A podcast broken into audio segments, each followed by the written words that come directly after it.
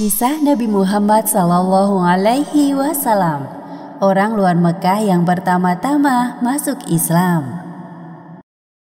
Saat tiba musim haji, Nabi Muhammad Sallallahu Alaihi Wasallam memanfaatkan kesempatan baik ini untuk berdakwah kepada para pendatang dari luar kota Mekah.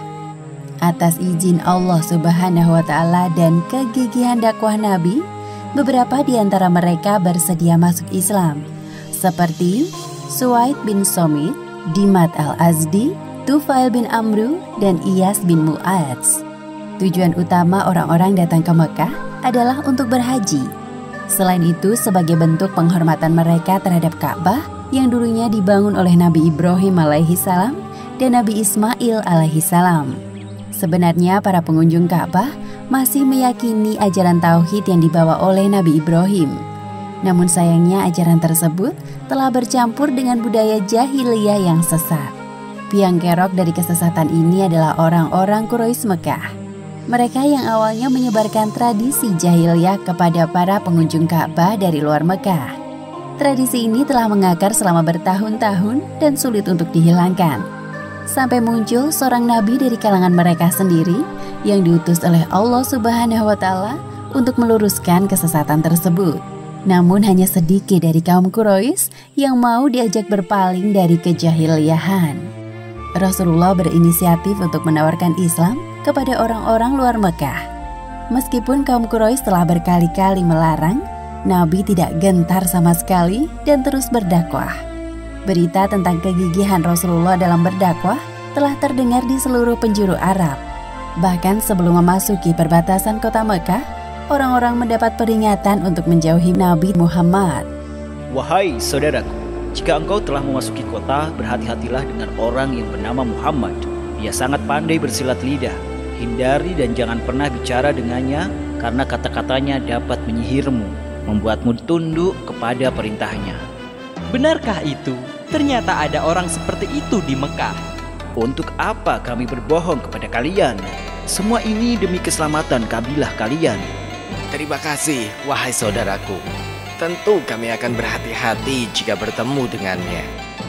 Nabi Muhammad menawarkan agama Islam di pemukiman tempat peristirahatan pengunjung Ka'bah di Pasar Ukas, tempat jual beli mereka, mendatangi pimpinan kabilah mereka, juga menawarkan kepada perseorangan. Namun belum ada hasil.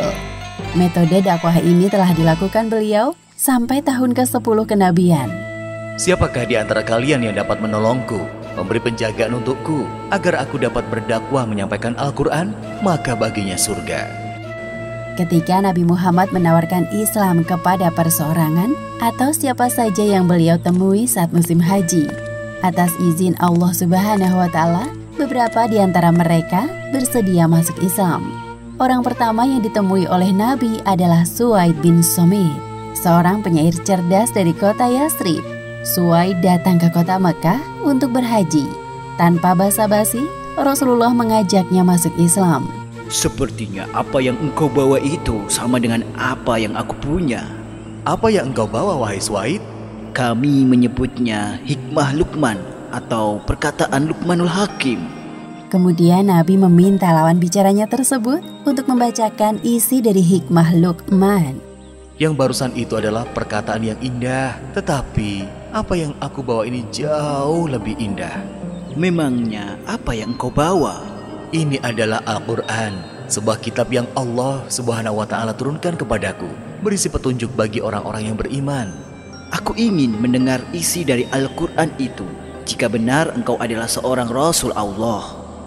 Ketika Nabi Muhammad membacakan ayat-ayatnya, tiba-tiba ketenangan menelusup ke relung jiwa dan mengisi kekosongan di hati Suwaid bin Somit. Sungguh, Al-Quran ini benar-benar lebih indah dari yang aku bawa. Maukah engkau masuk Islam bersama denganku, wahai Suwaid? Sayangnya Suwaid tidak menjawab pertanyaan Rasulullah. Sekembalinya Suwaid dari Yastri, ingatan tentang pertemuannya dengan Rasulullah selalu terbayang-bayang. Akhirnya pada permulaan tahun ke-11 kenabian, Suwaid masuk Islam. Orang yang langsung masuk Islam ketika mendengar perkataan Rasulullah adalah Dimat al-Azdi, seorang perukia yang berasal dari Yaman. Pada suatu hari, Dimat mendengar orang-orang sedang menjelek-jelekan Nabi Muhammad. Mereka mengatakan bahwa Nabi Muhammad itu orang gila. Kasihan sekali Muhammad itu. Andai aku bisa bertemu dengannya pada musim haji tahun ini, aku pasti bisa menyembuhkannya. Dimat Al-Azdi terkenal dengan pengobatan hembusan angin. Ketika tidak sengaja melihat sosok Nabi Muhammad, Dimat langsung berteriak. Apakah engkau Muhammad yang sering dibicarakan orang-orang itu? Ayo, ikutlah denganku. Aku akan menyembuhkanmu. Nabi Muhammad terkejut dengan Dimat yang tiba-tiba menegur beliau. Ya, aku Muhammad yang mungkin sering Anda dengar dari orang-orang di sini. Tenang saja, wahai Muhammad. Aku ini tabib yang hebat. Aku dapat menyembuhkanmu dengan hembusan angin yang telah aku pelajari selama ini. Pasti engkau ingin sembuh dan kembali normal, bukan? Nabi Muhammad tidak menyangka bahwa orang yang berada di hadapannya ini benar-benar menganggapnya sebagai orang yang tidak waras. Beliau lalu menghela nafas panjang dan berusaha memanfaatkan momen ini untuk mengajak Dimat masuk Islam. Segala puji bagi Allah, Tuhan semesta alam. Hanya kepadanya kita memuji dan hanya kepadanya lah kita memohon pertolongan. Barang siapa yang diberi petunjuk oleh Allah, tidak ada seorang pun yang dapat menyesatkannya. Dan barang siapa yang disesatkan olehnya, tidak akan ada seorang pun yang memberikan petunjuk kepadanya. La ilaha illallah Muhammad Rasulullah. Bisakah engkau mengulangi perkataanmu sekali lagi? Bahkan Dimat menyuruh Nabi Muhammad mengulang perkataannya hingga tiga kali. Aku tidak pernah mendengar ucapan para tukang sihir, tukang tenung, atau penyair yang lebih indah dari ini. Wahai Muhammad, berikanlah tanganmu dan biarkan aku menjadi pengikutmu. Begitulah akhirnya Dimat al-Asdi masuk Islam.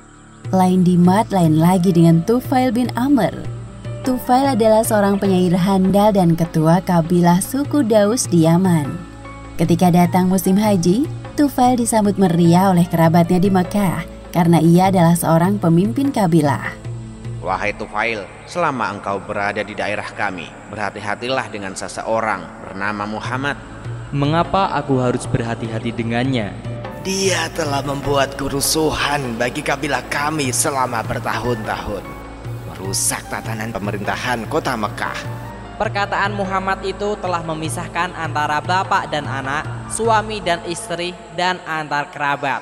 Kami khawatir musibah ini akan menimpa kabilahmu, maka jangan sekalipun berbicara atau menanggapi perkataannya. Dalam hati, Tufail penasaran dengan sosok Muhammad yang para kerabatnya bicarakan. Namun ia memilih untuk menuruti saran dari mereka. Ia pun pergi ke Ka'bah dan menutup kedua telinganya dengan kapas. Ketika hendak beribadah, Tufail tidak sengaja melihat Nabi Muhammad SAW sedang sholat di depan Ka'bah, tidak jauh dari tempat yang berdiri. Atas izin Allah, Tufail mendengar bacaan sholat Nabi. Ia mendengar ayat-ayat Al-Quran yang dibaca oleh Rasulullah. Demi ibuku yang melahirkanku, aku ini seorang penyair hebat. Aku bisa membedakan mana perkataan yang baik dan mana perkataan yang buruk. Lantas, apa yang menghalangiku untuk mendengarkan ucapan laki-laki ini? Semua kata-kata yang keluar dari bibirnya benar-benar indah. Sesudah Rasulullah selesai sholat, Tufail mengikuti beliau sampai ke rumahnya. Di sanalah Tufail menyatakan keislamannya. Wahai Muhammad, jelaskan padaku tentang agamamu. Setelah Nabi Muhammad menjelaskan tentang Islam kepada Tufail dan membacakan ayat-ayat Al-Quran, ia tidak ragu untuk mengucapkan kalimat syahadat. Kemudian Tufail bin Amr kembali ke negerinya dalam keadaan muslim dan mengajak kabilahnya untuk masuk Islam. Salah satunya Abu Hurairah yang namanya terkenal sampai sekarang sebagai periwayat hadis Nabi Muhammad paling banyak, yaitu sebanyak 5.374 hadis. Ada juga seorang pemuda Yastrib bernama Iyas bin Mu'adz. Iyas berasal dari suku Aus, sebuah suku di Yastrib yang sering berperang melawan suku Khosraj. Kedua suku ini kelak akan bersatu menjadi masyarakat Ansor yang menyambut hijrahnya umat Islam di Madinah atau yang dulunya bernama Yasrib. Tujuan kedatangan Iyas bersama utusan suku Aus lainnya ke Mekah bukan untuk berhaji, melainkan mencari sekutu bagi suku mereka melawan suku Khazraj. Tatkala melihat kedatangan mereka, Nabi Muhammad berniat untuk menawarkan Islam. Apakah ingin aku tunjukkan sesuatu yang lebih baik dari tujuan kedatangan kalian kemari? Apa yang Anda maksud itu? Sebelumnya, aku ingin memperkenalkan diri. Namaku Muhammad. Aku seorang rasul yang diutus oleh Allah Subhanahu wa taala untuk mengajak umat manusia beribadah hanya kepadanya dan meninggalkan segala bentuk kesyirikan. Aku juga diberikan mukjizat berupa Al-Qur'an. Orang-orang dari suku Aus mulai tertarik dengan penjelasan dari Nabi Muhammad. Bacakan kepada kami isi dari Al-Quran itu. Kemudian Nabi Muhammad membacakan ayat-ayat Al-Quran yang membuat hati mereka tenang dan takjub mendengarnya. Terlebih bagi seorang pemuda bernama Iyaz bin Mu'adz. Ia terlihat sangat khusyuk mendengar bacaan Al-Quran dibanding lainnya. Wahai kaumku, demi Allah, ini lebih baik dari tujuan kita ke Mekah. Engkau bodoh sekali, wahai Iyas. Sudahlah, menjauh saja dari kami. Tujuan kita datang ke Mekah bukan untuk itu. Rasulullah meninggalkan para utusan suku Aus yang sibuk dengan pertengkaran mereka. Akhirnya mereka pulang ke Yasrib tanpa membawa hasil. Hal ini dikarenakan orang-orang Quraisy tidak tertarik menjadi sekutu mereka. Tak lama kemudian, Iyas bin Mu'adz menyatakan diri masuk Islam. Demikianlah akhir kisah orang luar Mekah yang pertama-tama masuk Islam. Hikmah yang dapat kita ambil dari kisah ini, pertama, barang siapa bersungguh-sungguh dalam melakukan sesuatu dengan niat mencari ridhonya, maka Allah Subhanahu wa Ta'ala akan memudahkan jalan baginya. Dan kedua, Al-Quran merupakan mukjizat terbesar karena wujudnya masih ada sampai sekarang dan keutamaannya dapat kita rasakan. Maka perbanyaklah membaca Al-Quran agar hidup selalu tenang. Wallahu alam bisawab.